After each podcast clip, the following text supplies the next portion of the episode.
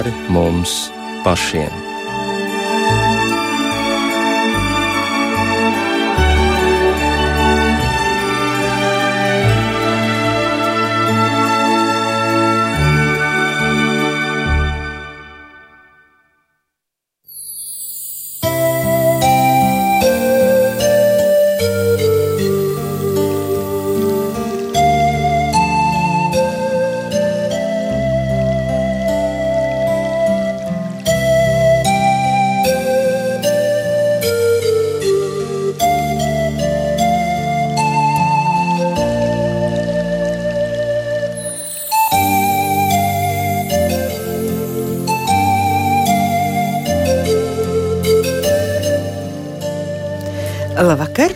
Jums runā Rīta Brunēvica, pie režijas pults Mārtiņš Paeglis, skan raidījums pāri mums pašiem.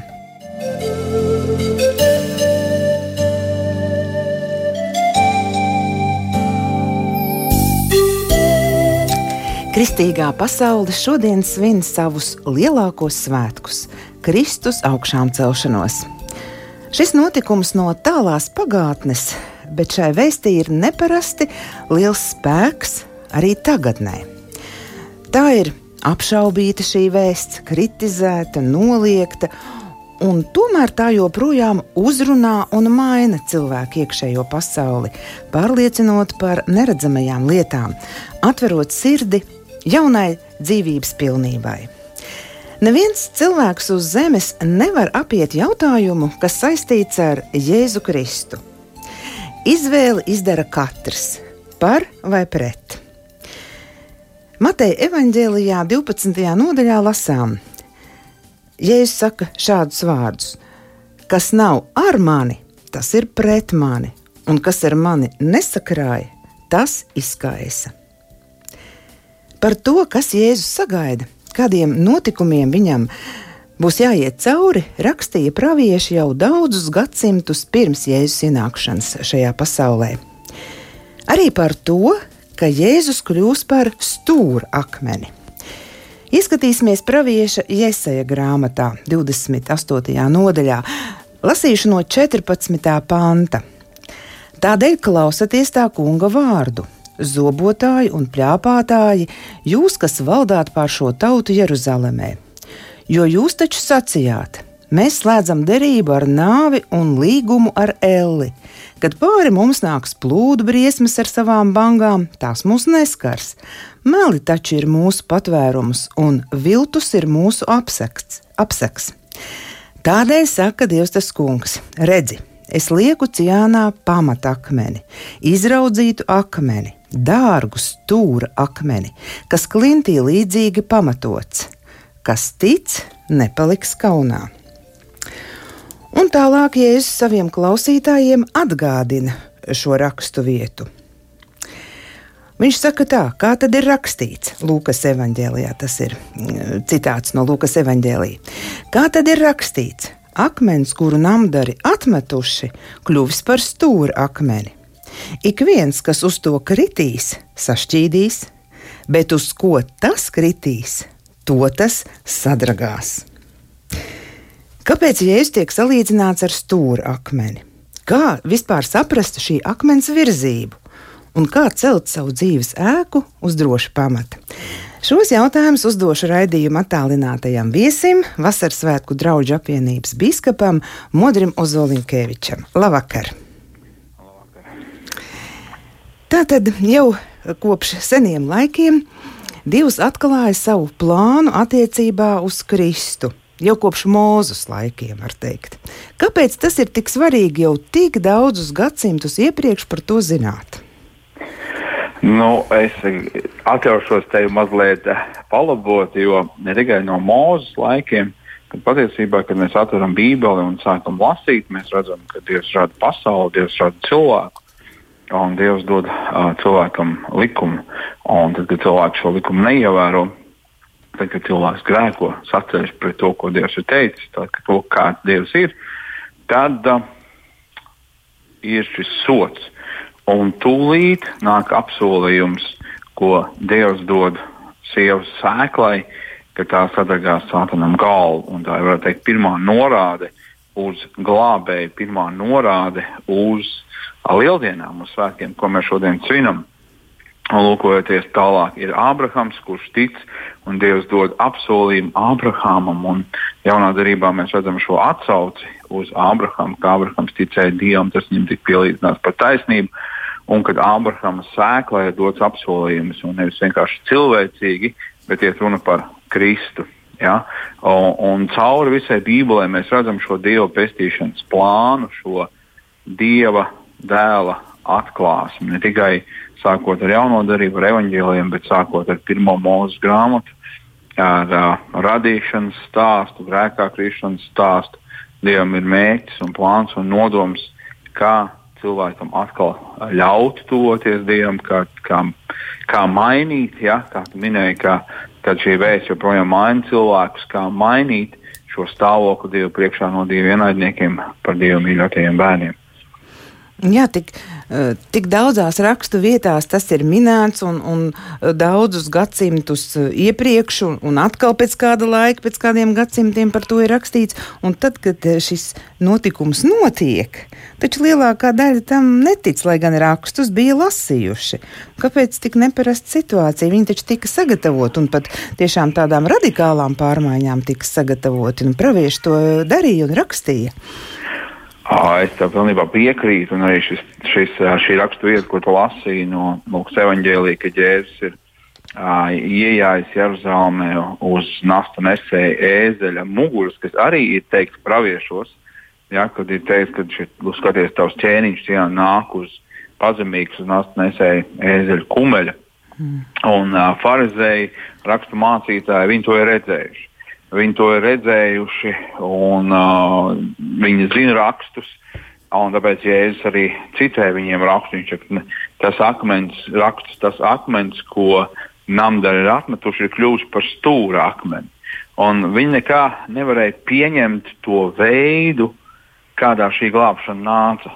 Un es domāju, tā ir viena no varbūt cilvēku vispārīgu problēmām arī šodien, kad uh, daudziem cilvēkiem liekas, nu, nu kāds jēzus, kāds tur krusts, kāda augšām celšanās, kāds upuris 2000 gadus atpakaļ, pat ja viņš dzīvoja tad, kāda tam ir saikne ar manu dzīvi šodien. Un bieži vien mēs gribētu, lai Dievs no debesīm tādu piebildu, ja viņš ir, tad lai viņš no debesīm nāk un izglāb mani, nāk un palīdz man, nāk un parādās man, nāk un atklājās man. Ja viņš tā nedara, nu, tad, viņa, tad viņa nav. Līdzīgi kā šiem raksturmācītājiem farizējiem, viņiem šķita, ka, ja nāks mesija, tas nāks pie viņiem, tas nāks uh, tā, kā viņi to ir iedomājušies savā prātā. Un viņi savā prātā bija iedomājušies, ka nāks šis glābējs, šis mesija, ka viņš atnesīs brīvību no Romas impērijas jūga. Tā bija šī viņa doma, ko mēs redzam cauri arī mācekļu doma, kā, kā jūda, kā ebreja. Ja? Arī viņiem šī doma ir, kad viņi seko Jēzum laiku pa laikam, viņiem uzdod šis jautājums. Un pat tad, kad Jēzus jau pēc augšām celšanās ir viņiem atklājies kā, kā Dieva dēls, un viņi to zina un redz un saprot šo augšām celšanās faktu, un Jēzus dodas pie tēva uz debesīm, tad arī viņi joprojām uzdod jautājumu, vai šajā laikā atjaunos Izraēla valstību. Tas bija šis glābējs, šis mesija, kādu gaidīja ebreji, viena no mūsu lietām, problēmām ar cilvēkiem mums ir tā, ka mēs domājam, ka vaina vienmēr ir kaut kur ārpusē. Problēma ir mūsu sirdī, un tas ir tieši tas, ar ko Jēzus tiek galā pie krusta, un kur ir uzvara par to. Tas ir lieldienas, tās ir augšām celšanās. Tā ir augšām celšanās. Jēzus Kristus to paveic priekš katra viena no mums, jo grēks nav kaut kas ārpusē, grēks ir kaut kas, kas ir mūsu sirdī. Es domāju, ka cilvēki cauri gadsimtiem ir līdzīgi. Jo, redziet, mums ir priekšstats, kā lietām ir jānotiek. Ga, gan ikdienā, gan problēmu risinājumā, un arī garīgajā pasaulē. Mums šķiet, ka tā tam ir jānotiek. Un, bet Dievs jau strādā pilnīgi nu, neatkarīgi no tā, kā mēs domājam. Un to ir grūti nu, pieņemt. Un tā droši vien arī bija tiem ļaudīm tajā laikā. Viņi lasīja, bet, kā tu teici, viņi nevarēja pieņemt, ka tādā veidā, ja es ienāku, nu, kādā kūtī viņš tur piedzimst, vai ne? Nu, nu, ķēniņš arī iejāja nu, uz ēzelīša. Nu, nu, tas jau nekam neder. Neatbilst mūsu priekšstatiem. Jā, un, kad mēs lūkojamies Bībelē, arī viens no praviešiem, kas pasludināja Jēzus Kristus nākšanu, viņa kalpošanu, kas tieši ir pēdējais vecās derības pravietis, kas norāda uz Jēzu un saka, lūk, Dieva jērs, kas nes pasaules grēku. Un domājot par Paskā, par šīm lieldienām, kā šis te, uh, Mūzes, kad izved Izraelu no, no, no Eģiptes zemes, tad bija jānokauj šis Paskā jērs. Uh, un norādot uz šo jēru, uh, velkot vēl tik paralēlis, ja norādot uz to, ko šis jērs, uh, nu, par ko viņš runā, par Jēzu, Jānis Kristītājs runā par Jēzu un saka, lūk, Dieva jērs, kas nes pasaules grēku. Pēc tam, jā, kādu laiku vēlāk, tad, kad Jānis ir iemests cietumā, Herods ir iemests viņa cietumā, viņš sūta savus mācekļus pie Jēzus, viņam jautāt, vai tu tas esi, vai mums būs citu gaidīt. Jo Jānis arī viņš, viņš sludina ne tikai Dieva jēru, kurš nāks, viņš sludina nākamās dusmas, kas nāks, kad Dievs, Dievs uh, sodīs pasauli. Un Jēzus nāk, viņš nāk ar evaņģēliju. Viņš nāk ar vēstu par atdošanu, par žēlastību, par to, ka Dievs mīl cilvēkus. Kā Jānis 3.16 teikt, tik ļoti Dievs mīlēja pasauli, ka viņš deva savu vienpiedzimušo dēlu. Lai viens viņam tic nepazust, bet iemantot mūžīgu dzīvību. Un Jānim kā vecās derības pravietim, pēdējiem pravietim, vecajā derībā vēl viņam ir grūti to, to saprast un pieņemt. Jo vecā derība ir ļoti skaidra, acis pret aci, zobu pret zobu. Ja? Uh, dzīvība par dzīvību, kas pārkāpj balstu, tam jāmirst. Viss. Bet šobrīd, pēc Jēzus Kristus, mēs dzīvojam žēlastības laikā. Un tā ir šī vēsts, ko atnes Jēzus. Tas nenozīmē, ka nav sots, tas nozīmē, ka sots ir atlikts līdz tai dienai, kad Jēzus nāk uz padebešiem. Jā, tā jau ve senajos vecās derības laikos bija, kas pārkāpja bauslību, tas ir dieva likumu, tam ir jāmirst. Bet nu, tā jau nebija, ka cilvēki vai nemira. Tā kā tu teici, tur bija kāds jērs, kāds upurs vai ne, kas jānes. Mm -hmm. Un ka dzīvnieki jānokauj, jāupurē, un tā tu salīdzinies. Nu, ir vajadzīga tā salīdzināšanās ar Dievu cilvēkam, lai kā tas mums šķistu varbūt dīvaini, bet, bet viņi ir vajadzīgi. Bez tā jau attiecības mēs nevaram veidot ar mūsu radītāju, vai ne? Ja nav šis salīdzināšanās process. Un tad, tāpēc, vai ne, tā kā tu teici, arī Jēzus tiek saukts vai ne par dieva jēru, jā, dieva jēru, bet viņš ir cilvēka izskatā. Jā. Nu jā, un arī interesanti, vai nepieminēja Jānis Kristītājs, bet es domāju, Jānis Kristītājs tik vienkārši pateica, atgriezieties no grēkiem, vai ne, jo debesu valstība ir tuvu klāt pienāks, un cilvēki arī viņam noticēja. Es tur atceros, ka lasīju, daudzi, daudzi nāca un kristījās un tiešām nožēloja savus grēkus, jo viņam noticēja uzreiz. No, tā ir viena no lietām, ko mums cilvēkiem, ko mēs pieņemam. Es teikšu, mēs to, ka mēs esam grēcīgi, pieņemam vieglāk kā to, kad kāds ir nomiris mūsu vietā, un ka ticot uz viņu, mēs varam tikt taisnot, mums var tikt piedots. Jo, kad mēs runājam arī šodien ar cilvēkiem, nu, tad ir tāda, tāda, nu, tāda frāze, nu, kurš tad ir bez grēka. Ja? Nu, kurš, kurš tad ir? Nu, mēs apzināmies savu grēcīgumu kā cilvēki. Mēs apzināmies, ka visi ir nomaldījušies, visi ir kļuvuši vainīgi Dievu priekšā. Un mēs tā, nu, tā kā, nu, jā, nu, mē, mēs tādi esam, bet Bībelē saka, ka Dievs bez nopelna taisno tos, kas tic Jēzum Kristum. Un tieši ar šo piedošanu, tieši ar šo žēlastību mums ir grūtības. Tieši tāpat kā bija nesaprata rakstu mācītāja Pharizē, nesaprata pat mācekļi Jēzus, nesaprata, nu, kā Jēzum jāmirst, kāpēc. Viņam ir vara, autoritāte, viņš ir Dieva dēls, viņš nāk kā ķēniņš, un tagad viņš mirst. Bet lūkojoties uz šo krusta nāvi, kur tiek piepildīta Dieva taisnība, Kristus mirst mūsu vietā. Viņš nomirst mūsu grēku dēļ, un tā ir Dieva žēlastība, ka ticot uz to, mēs iegūstam grēku piedošanu, mēs iegūstam žēlastību un šo brīvību no grēka. Un tā tad lieldienu notikuma centrālā atslēga ir rezumē, ko mēs te, te visu sarunājam. Lieldienu notikuma centrālā atslēga ir, ja viens ir grēkojis un visiem trūks dievišķās godības, bet Dievs bez nopelna taisno tos, kas tic Jēzum Kristum. Jēzus Kristus, šis Dieva jērs, nomira par visu pasaules grēkiem, par maniem grēkiem. Un ticot uz viņu, Bībelē saka, to savu sirdi ticēs un muti apliecinās, Jēzus par kungu ticēs, ka viņš ir Dieva dēls, kas ir nomiris par taviem grēkiem, kas ir augšām cēlies. Bībelē saka, tu tiksi glābts, tu tiksi pestīts, tu iegūsi brīvību no grēka vārds par savu dzīvi. Un tu varēsi sakot Jēzum, iegūsi jaunu dzīvi Jēzu Kristu. Un, un lieldienas ir šī uzvara, ir lielā piekdiena, kad mēs atceramies to, ka Jēzus nomira pie krusta, bet lieldienas nav tikai krusta vēsts. Lieldienas pamatā ir augšām celšanās vēsts, bet augšām celšanās nav bez nāves. Un Jēzus nomira mūsu vietā, viņš saka, es dzīvoju, un jums būs dzīvot. Tā ir lieldienu jēga un nozīme. Priekš ikviena cilvēka. Jēzus neatstum nevienu, kas nāk pie viņa. Un kā tu saproti to trūksta dievišķā godība? Mums cilvēkiem trūkst dievišķā godība. Kad mēs lūkojamies Bībelē, tad mēs redzam, ka Dievs radīja cilvēku pēc savas līdzības. Un, un cilvēks nezināja, kas ir grēks. Un Bībelē saka, ka Dievs ir absolūti svēts. Dievs tēvs, Dievs tēvs pilnīgi nošķirts no grēka. Un tas bija tas stāvoklis, kādā cilvēks bija radīts.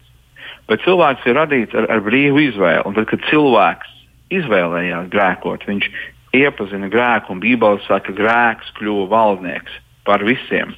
Šī pirmā cilvēka grēka dēļ, Pāvils vēsturē romiešiem to raksta, ka viena cilvēka vainas dēļ, grēka dēļ nāve kļuva valdnieks par visiem. Un mums trūk šīs dievišķās godības, šīs dievišķās apskaidrotības, šīs arī es teiktu šīs, šīs nemirstības, kas ir Dievam, ja, šī Dieva godība. Jo Dievs teica, ka cilvēks nevar tādā stāvoklī palikt mūžam. Nevar mūžam palikt tā, ka grēks valda par viņu. Tāpēc Dievs sūtīja savu dēlu, Jēzu Kristu.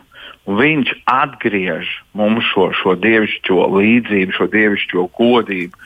Šo, šo, mēs, mēs tagad Bībelē sakām, ka mūsu dzīve ir apslēpta Dievā. Ja? Mēs esam jauns radījums Jēzu Kristu. Tā skaidrība, līdzīgi kā Jēzus lūdz, viņš lūdz tēvam to skaidrību, kas man bija pie tevis, kad mēs nākam pie Kristus. Tad Kristus asins Bībelē saka, mūsu tīra un šķīs no visiem grēkiem, un mēs iegūstam Bībelē saka, Dieva bērnu skaidrību.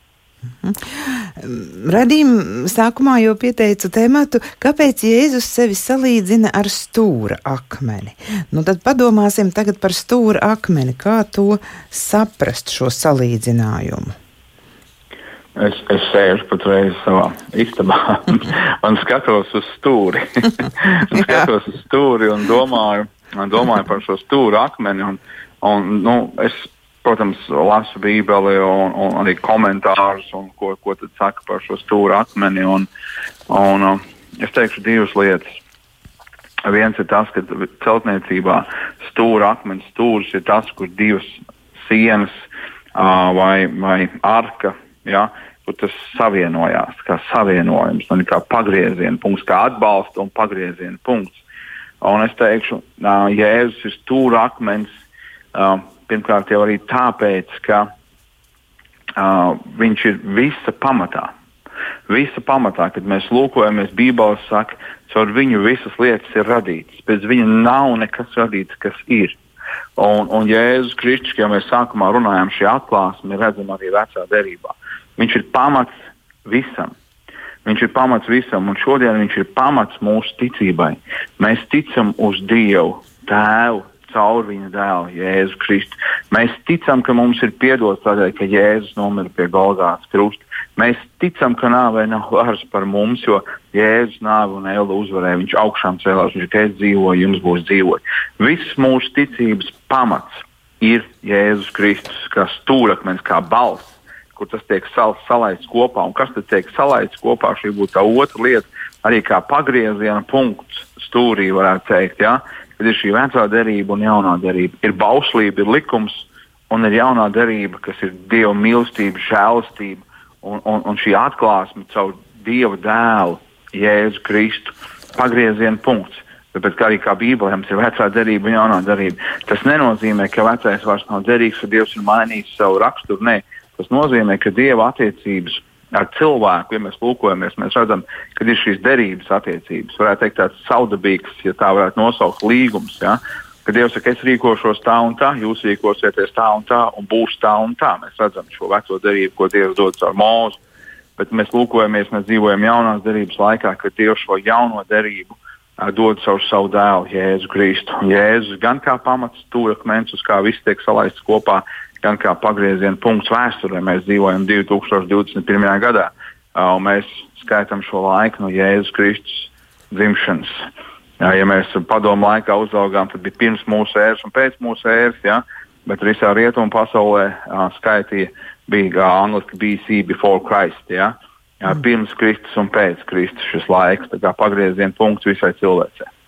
Turpināsim vēl sarunu par stūrakmeni pēc muzikālas pauzes. Savu skanējumu turpina raidījums pāri mums pašiem. Šovakar domājam par to, kāpēc Jēzus tiek salīdzināts ar stūra akmeni. Un raidījuma attālinātais viesis ir Vasaras svētku draugu apvienības bīskaps Modris Ozoliņkevičs. Mēs runājam par, tu jau izskaidroji par to, ko nozīmē stūra akmens. Bet, ja ir stūra akmens, tad arī ir kāda celtne, un šo celtni ceļ namdari. Kā tu domā, kas ir namdaris, vai ik viens no mums, vai mācītāji, vai baznīcas vadītāji, kas ir tie cēlāji, kas liek to stūra akmeni? Nu, uh, Bībele saka, katrs lai pielūko, kā viņš ceļ. Un mēs katrs viens esam cēlāji, jo Dievs mums saka, uzceliet no sevis pašiem, kā no dzīviem akmeņiem, dzīvu namu tam kungam.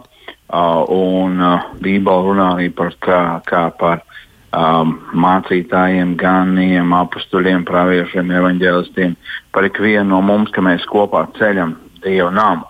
Ja? Ja, tā kā šī Dieva draudzene, kā Dieva celtne. Un mēs visi esam atbildīgi par to, ka mūsu pamats ir Kristus, lai mūsu stūrakmenis ir Kristus, lai, lai tas nav kāds cilvēks, kāda filozofija, kādas vienkārši nu, izdomātas lietas, bet lai tas ir tas, kas ir dzīves, patiesa un īsts, kā Jēzus Kristus. Un, jā, tu lasīji no Iesaijas grāmatas, mm -hmm. Iesaijas grāmatas pa, uh, ko vēlāk Jēzus citē šo. šo vai tik nepilnīgi citēja, atvilsīja to garāku rakstu vietu. Un, un tur ir skaidri redzams, ka um, cilvēki, nu, cilvēki saka, mēs paši celsim. Mēs, mēs paši tiekam galā ar savu dzīvi. Mēs, mēs paši varam, mēs paši zinām, un viņi atmet šo stūra akmeni. Viņi atmet, un, un uh, es uh, no celtniecības nevaru teikt, ka saprotu ļoti daudz. Bet nu, kaut ko nedaudz, un, un man ir tāda pieredze, ir, ka reiz kā cilvēks viņš teica, ka viņš ir celtnieks. Un, um, apakaļ 2004, 5, 6, 7 gads Latvijā visi bija celtnieki, jo, jo visi cēla pirms krīzes. Uh, un un vi, vis, visi mācīja visu. Un, un, lūk, man arī vajadzēja kādu ēku celt. Mēs kad rehabilitācijas centru cēlām. Un kāds cilvēks teica, ka viņš ir celtnieks, un viņš cēla nu, izskatījās, ka, ka viss ir labi. Un izskatījās viss brīnišķīgi. Uh, līdz brīdim, kad um, sienas sāka gāzties. Un izrādās tieši domājot par stūra akmeni, arī mājā skatoties augšā, viss šī jumta kora, viss jumts, kā tas viss bija um, taisīts, nebija pareizi. Uh, un, un līdz ar to viņš tas spiediens uz ēku un sienas sāka, sāka nu, tā, gāzties, tā varētu teikt. Mums vajadzēja steidzami veikt remontu darbus un, un darīt, lai to visu pārtaisītu un saglabātu. Un redz, Bībele saka, ka arī mūsu katra darbs tiks pārbaudīts. Un, un katra darbs, un tā, no kā viņš ir cēlis, tas materiāls būs redzams un tas darbs būs redzams. Un, ja mēs neceļam uz šīs stūrakmeņa, ja mēs nesalaižam visu kopā uz Jēzus Kristus, ja mūsu ticības pamats nav Jēzus Kristus, nu, tad uh, ir žēlastība, ja mēs varam kaut ko saglabāt. Bet uh, tiesas dienā mums nebūs iespējams neko vairs saglabāt. Mēs varam saglabāt tikai šeit, uz zemes, un tagad, liekot savu ticību uz Jēzu Kristu. Un man nāk prātā cita raksta vieta, es gan nepateikšu tieši, kur tas rakstīts, ka pamats ir Jēzus, bet ko tur liek virsū? Cits liek salmus, cits liek ķieģeļus, cits vēl kādu citu materiālu. Tā tad varbūt tā, ka pamats ir un ir. Ir, nu, Jēzus ir ielicis stūra akmens, ir, var teikt, nu, labs pamats, teiksim, tā, drošs pamats, bet tur jau mēs saliekam virsū nedrošus materiālus. Kā tad to saprast? Jā, apstults Pāvils, viņš runā vēstulē korintiešiem, un viņš tieši, tieši šī rakstu vieta, ko tu minēji, viņš nevien, nevar likt citu pamatu, proti, kā to, ka tas ir likts Jēzus Kristus, bet katrs lai pielūko, kā viņš ceļ. Un ko viņš, no kā viņš ceļ, jo uguns, no mm -hmm. jā, uguns to pārbaudīs. Un, un tas, no kā mēs ceļam, bieži vien cilvēks saka, jā, es ticu Jēzum, un tad ir bet. Es ticu Jēzum, bet nevar būt, ka ir ēle. Es ticu Jēzum, bet nevar būt, ka tā ir jādzīvo. Es ticu Jēzum, bet mūsu pamatam ir jābūt Dieva vārdam. Tas, ko vārds saka, viss, ko mēs par Jēzu zinām un saprotam un redzam, nāk no Dieva vārda, no Bībeles. Un Jēzus pats mācot par Dieva vārdu, viņš teica, tas, kurš manus vārdus dzird un dara, ir līdzīgs tam, kas namu ceļ uz klints. Varbūt nav šis stūrakmeņa salīdzinājums, ja, bet tieši klints. Viņš ir tad, kad ūdeņi ceļas un lietus līst un plūdi nāk, tad tas nams pastāvēs. Un, ja tu esi cēlis uz klints, ja tu esi cēlis ticot uz Jēzu Kristu, savā dzīvē darot to, ko Dievs ir teicis, tad tavs nams pastāvēs. Tams nav tavs nams nesabruks. Un mēs varam paskatīties uz vienu tādu nu, globālu piemēru, kas ir Jēzus Kristus draugs. Jēzus Kristus draugi um, vienmēr cilvēki centušies iznīcināt. Katrā laikā ir bijis kāds cilvēks, kas ir centies iznīcināt kristiešus, kas ir centies iznīcināt draugus. Tepat uh, mēs bijām daļa no Padomu Savienības. Uh, Nikita Hrušovs, tāds vīrs bija, viņš teica lepni, ka viņš pēdējo kristieti parādīs pa televizoru un Bībeli nodos muzejā. Jā, ir pagājuši daudz desmit gadi, vairāk kā 50 gadi kopš tā brīža. Un kristietība ir strauji augusi visā bijušā padomu savienības teritorijā, un kristietība turpina augt visā pasaulē. Tā ir visstraujāk augošā, augošā reliģija, tā var teikt, augošā draudzene visā pasaulē.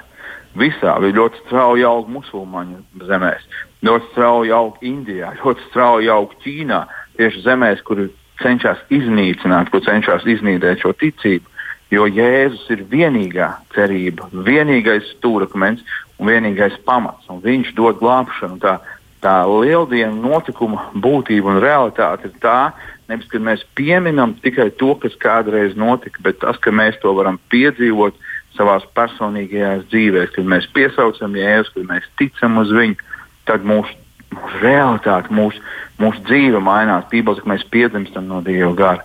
Mēs kļūstam par jaunu radījumu Jēzu Kristu. Mēs reāli piedzīvojam šo augšām celšanās spēku, šo brīvību no grēka, šo mieru ar Dievu, šo ticību un pārliecību par rītdienu. Un tad mēs sākam celt, ticot uz Dievu, soli pa solim, darot to, ko Dievs saka. Un mēs uzvarēsim ar Jēzu Kristu, aiziesim līdz galam un skatīsim vienu dienu viņa debesīs. Un turpinot sarunu par stūra akmeni, jau lasīju, ko Jēzus teica, tātad citēšu vēlreiz, ik viens, kas uz to kritīs, sašķīdīs. Nu, apstāsimies pie šiem vārdiem - sašķīdīs. Un, un kāpēc mums arī uz to būtu jākrīt? Ja? Kā tu to izskaidro? Nu, es teikšu tā, ka um, es pirms rādījuma lasīju, ko cilvēki, komentētāji, teologi saka par šo rakstu vietu. Un, uh, Um, es, ir, ir divi, divi skaidrojumi šai raksturvietai. Viens ir tas, ka, kad mēs nākam pie Jēzus, Bībeli saka, ka Dievs lepniem stāv pretī, bet pazemīgiem dod žēlstību. Un tad, kad mēs nākam Dievu priekšā, mums, mums ir jānoliek mūsu lepnums, mums ir jānoliek mans es un jāsaka, es esmu grēkos, un man trūkst dievišķās godības. Nevis vispārīgs ļaunums, kas valda pasaulē, nevis kāds ir vainīgs, bet es esmu grēkos. Un, zināmā mērā, var teikt, mūsu lepnums ir tāds, kas tiek salauzts, viņš, viņš sašķīst.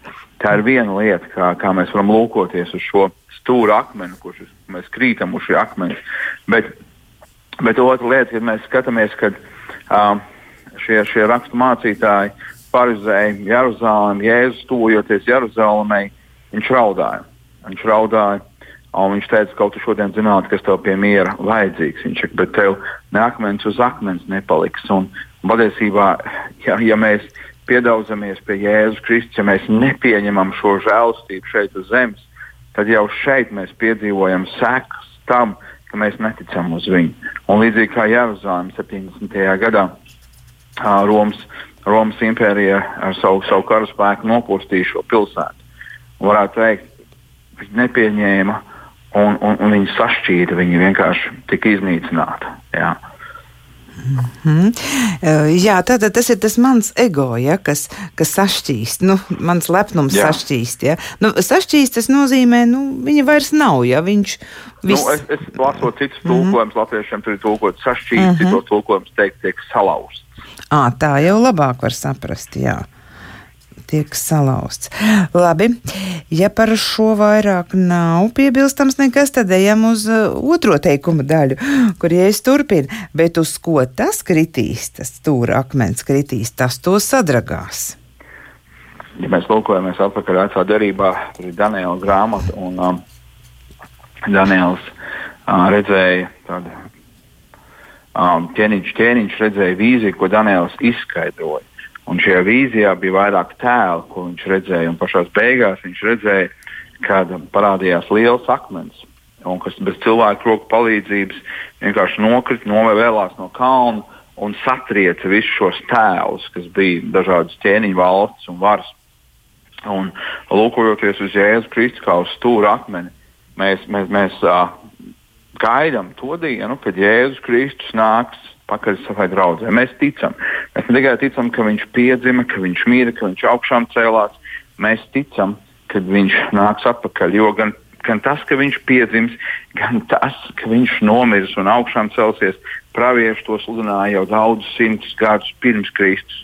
Un arī viņi sludināja to, ka viņš nāks pakaļ savai draudzē.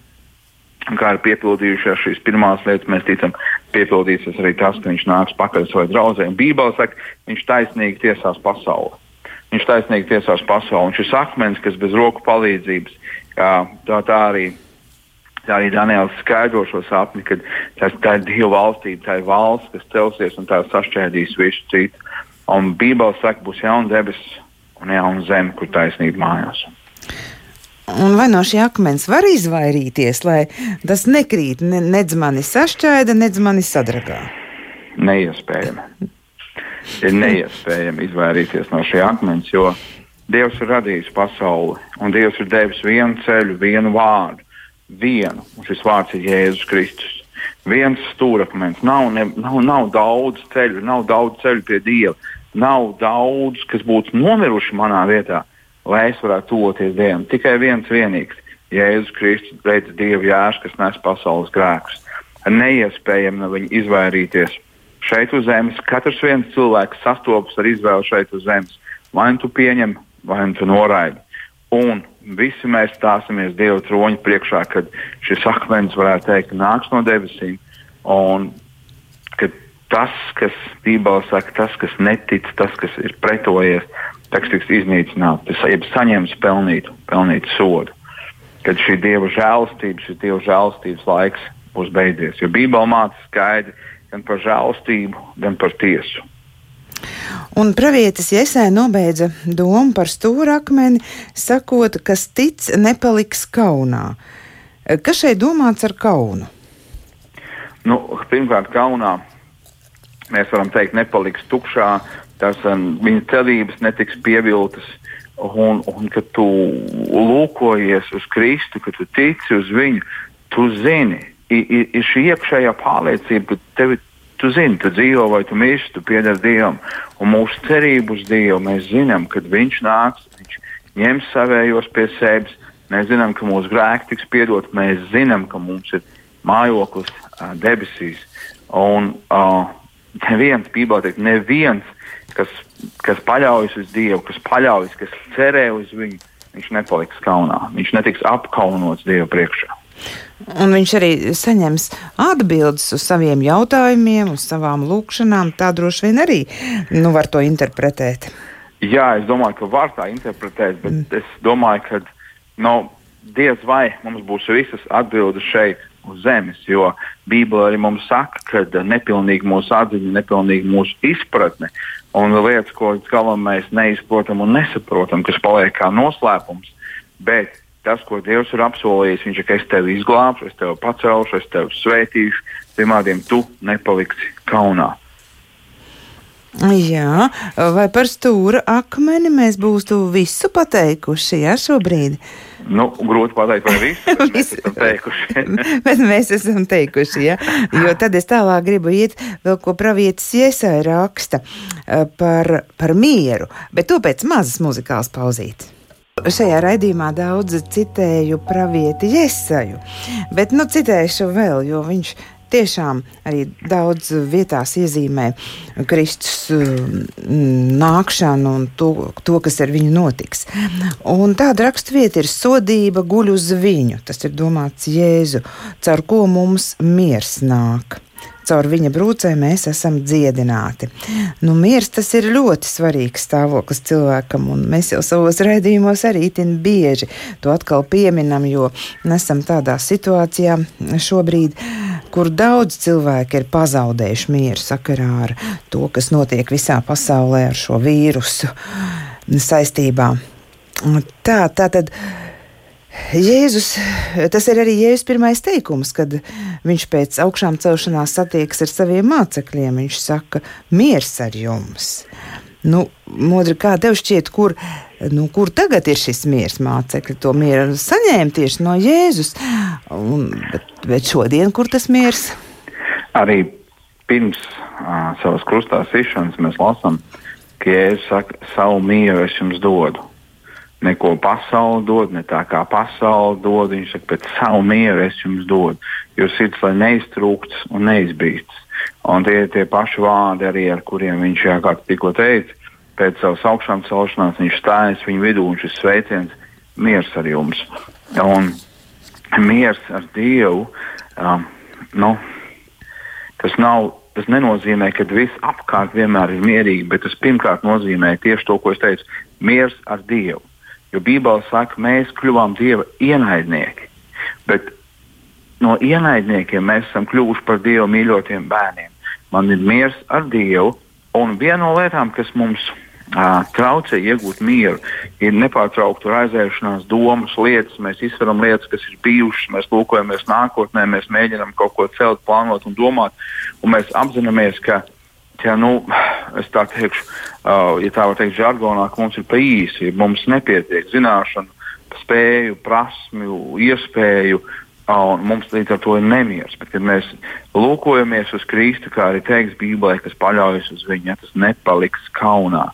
Tas nepaliks kaunā, ka tu zini, ka tavā dzīve ir apslēpta Dievā, ka tavas attiecības ar Dievu ir no sakārtotas, ka tu dzīvo mīlot Dievu, mīlot savu tuvāko, ka tu domā par rītdienu, par nākotni, ka tu zini, ka tavs Dievs ir spēcīgs un dzīves arī ne tikai šodien, bet tu zini, ka viņš ir rītā ir, ka tu zini, ka šī Dieva varenība, tieši šī augšām celšanās fakts, tas runā par to, ka viņam ir vara arī par nāvi. Un lai es dzīvoju, vai es mirstu, es piedaru savam Dievam. Un, un tā, tas ir šis miers un šī paļāvība. Un reizēm, kā cilvēki, parasti kā cilvēki, mēs dzīvojam Un, un mē, mēs, mēs sagaidām, ja, nu, ko sēž to pļaus. Mēs sagaidām sodu par saviem darbiem. Uh, ir cilvēki, kas saka, ka nu, šajā dzīvē cilvēki min tādu vārdu kā karma, ja viņi noķer. Mm -hmm. vai, vai mēs sagaidām, ka nākamā dzīvē mums vajadzēs samaksāt par to. Ja cilvēki parasti gaida, ka viņiem vajadzēs samaksāt. Tā kā tāda vispārīga doma, ka tā būs. Bībeli saka, sots bija uzlikts viņam. Mans sots bija uzlikts Jēzum Kristum tad nozīmē, ka man vairs nav jācieš mans sots. Jēzus to izcieta. Un tas dod mieru, tas dod brīvību, tas dod paļāvību. Tas ir manā sirdī ir miers. Es zinu, ka tas, kas manis sagaida, ir Jēzus Kristus. Jā, un tad vēl atgriežoties pie lieldienu tieši notikumu, kur Bībele apraksta, kā tas notiek, kad pēc tam cilvēki ar Jēzu satiekas, bet ir arī rakstīts, ka nu, tur, tur kādi gāja uz zemavu, ja divi vīri, un tad, tad Jēzus viņus panāk un ar viņiem runājas, Bet viņi viņu neatpazīst. Viņu acis tāpat turētas, ka tie viņu nepazina. Tā tur rakstīts. Nu, kā tas ir? Gara acis ir aizvērts, vai mēs paši varam kaut ko mainīt šajā situācijā? Mēs ik viens spējam ticēt uz Jēzu Kristu. Un interesanti tas, kas, tas, kas ar šiem vīriem, diviem runājot, um, viņi gāja un viņu sirds bija pilnas bēdu. Uh, Un viņi bija kā tādi, kuriem nav cerības. Nu, nav, viss, viss ir slikti viņu gadījumā. Ja? Viņu cerības ir beigušās. Viņi ticēja, cerēja, ka Jēzus ir tas, kas uzcels Izraēlam valstību, ka viņš uh, visu mainīs. Tagad viņš ir sists krustā un, un atnāk sievas un saka, ka viņi nav kapā, viņi ir apjukuši. Un, Un, un viņi vienkārši savā bēdās, visu, ko viņi redz, ir sava problēma. Visu, ko viņi redz, ir problēma. Tad Jēzus iet kopā ar viņiem un viņš viņiem izskaidro rakstus. Tur teikts no mūzes sākot ar dziesmām, praviešiem. Viņš izskaidro rakstus, kas runā par Jēzu, kas runā par to, ka viņam bija jānāk, jācieš, jāmirst, augšām, jā, jāceļās augšā. Uh, ka viņš ir šis upuris, kas ir dots par mums. Un tad ir interesanti, es teiktu, ka, ka šie vīri pēc tam savā starpā runā. Viņš saka, vai mūsu sirds nedega? Un es gribu teikt, tad, kad tu esi bezcerībā, tad, kad tu, liekas, nu, tu neredzi, kāds jēzus, kur un kā, zini, ka Dieva vārds rada ticību. Dieva vārds rada ticību, ka tas ir rakstīts, lai mēs nāktu pie ticības. Kad tu dzirdi par Jēzu, kaut kas notiek tavā sirdī, tavs sirds sāk degt. Kad tu dzirdi, ka Jēzus piedod grēkus, tavs sirds sāk degt. Kad tu dzirdi, ka Jēzus dod jaunu dzīvi un brīvību no grēka, tavs sirds sāk degt. Kad tu dzirdi, ka Jēzus nāks atkal, tavs sirds sāk degt. Un tad nenoslāpēšu uguni, bet nāc pie Jēzus Kristus un teikt, Jēzu, piedod manas grēkus. Es esmu mans kungs un mans dievs, un tu iegūsi mieru ar Dievu, tu iegūsi mieru savā sirdī, tu iegūsi brīvību no grēka un mūžīgās dzīvības cerību. Nu, vēl mums ir kādas piecas minūtes, Modri, tu vari par sevi pastāstīt, kā, kā tev bija. Tu nebija jau tā, ka, nu, kā saka, jau no jaunības dienām sāki uzreiz ticēt. Nu, es piedzimu kristīgā ģimenē. Man vecāki, man vecāki kalpoja Dievam, ticēja Dievam, uh, un joprojām tic. Un viņi man mācīja, protams, sekot Kristum un, un, un dzīvot. Uh, tā ir tā, tā kā Bībele saka un māca. Bet ir neiespējami vienkārši dzīvot, kā Bībele saka un māca. Ja tu neesi piedzimis no Dieva gara, ja tu personīgi netici tam, ka Jēzus ir nomiris par taviem grēkiem un augšām cēlies, Tas ir šis fakts, kas maina absolūti visu, pilnīgi visu radikāli. Tas maina šodien ikvienam cilvēkam. Tu vari ticēt, ka Jēzus dzīvoja, ka viņš bija labs cilvēks, ka vēsturisks fakts pierādīs, bet tu netici, ka viņš mira par taviem grēkiem un augšām cēlies. Tā ir vienkārši ticība, kas neko nemaina. Un manā dzīvē bija līdzīgi. Un, un es uh, uzaugu, bija reliģiskas darbības lietas, ko es darīju. Bet mana dzīve gāja krasi, krasi prom no tā, ko Kristus māca. Es dzīvoju grēkā, es dzīvoju kā jebkurš, um, varētu teikt, ne, pat jebkurš kā, ļa, kā ļauns cilvēks šajā pasaulē. Tas, ko es darīju, nebija pareizi ne cilvēku, ne Dievu priekšā. Un mana dzīve bija grēka važās, un, un uh, alkohols un, un dažādas citas lietas vienkārši sāka valdīt par mani. Līdz 21 gada vecumā, divas nedēļas patiesībā pirms 21. dzimšanas dienas, es uh, netīšām bija nonācis kādā dievkalpojumā. Un šajā dievkalpojumā sludināja par Jēzu Kristu augšām celto. Tur runāja šo dievu vārdu, un zini, kas notika manā sirdī, mana sirds deg. Un tā vietā, lai, lai teiktu Jēzum, jā, es kļuvu dusmīgs, un es teicu, lai viņš ātrāk beidz šis cilvēks, un es ne, neskaļi, bet pie sevis es domāju, nu, cik ilgi var runāt. Un, un, jo tas, ko viņš runāja, tas kaut kā sasaucās manā sirdī, bet man negribējās tam piekrist. Un tad es dzirdēju, kā Dievs uzrunāja mani manā sirdī. Viņš teica, modrs mīlē. Un zini, ka Dievs runā, izklausās varbūt kā putniņš dzied galvā, ja? kādam, kas klausās. Bet, tad, kad Dievs runā, tu zini, ka Dievs runā. Tu zini, kad visvarenais runā, tad tu klausies. Un Dievs teica, modrs mīlē. Tajā brīdī es, es salūzu Dievu priekšā. Varētu teikt, es, es krītu uz šo akmeni, ja, un tiku sašķēdīts, un jau es salūzu Dievu priekšā. Uh, Un mans lepnums, man, man, mans ego, un es teicu, Jēzu, ja tu vari piedot man. Un tas izmainīja visu manu dzīvi. Dievs piedeva manus grēkus, Dievs darīja man brīvu no manām grēka atkarībām. Dievs radikāli mainīja manu dzīvi. Un es zinu, manas dzīves stūrakmens ir Jēzus Kristus, manas dzīves pamats ir Jēzus Kristus, un manas dzīves mērķis ir Jēzus Kristus. Viņš man dod mūžīgās dzīvības cerību. Es zinu, viņš man neatstāja kaunā, viņš man neatstāja nepamet. Un arī tu šovakar vari iegūt šo brīvību un šo mieru. Jo šie vārdi, es mīlu tevi, Dievs, runā to savā sirdī, un tie nav tukši vārdi. Lieldienas runā par to, ka Dievs to ir atklājis un parādījis. Lieldienas runā par to, ka šī Dieva mīlestība ir kļuvusi redzama visai pasaulē. Pieņem to savā sirdī, pieņem to savā dzīvē, un tu redzēsi, ka Dievs maina tavu sirdi, Dievs maina tavu dzīvi, Dievs dod mūžīgās dzīvības cerību tev. Tātad um, Kristus augšām celšanās svētku tādi atslēgas vārdi būtu miers, brīvība, un ko tu liktu vēl kā trešo vai ceturto? Mūžīgās dzīvības cerība. Mūžīgās dzīvības cerība un dzīvība. Jā, protams, tie dzīvības svēti, dzīvība valda par nāvi. Jā, tad, tad lai šie vārdi, mīļie klausītāji, jūs arī nu, nākamajā nedēļā īpaši kaut kā uzrunā.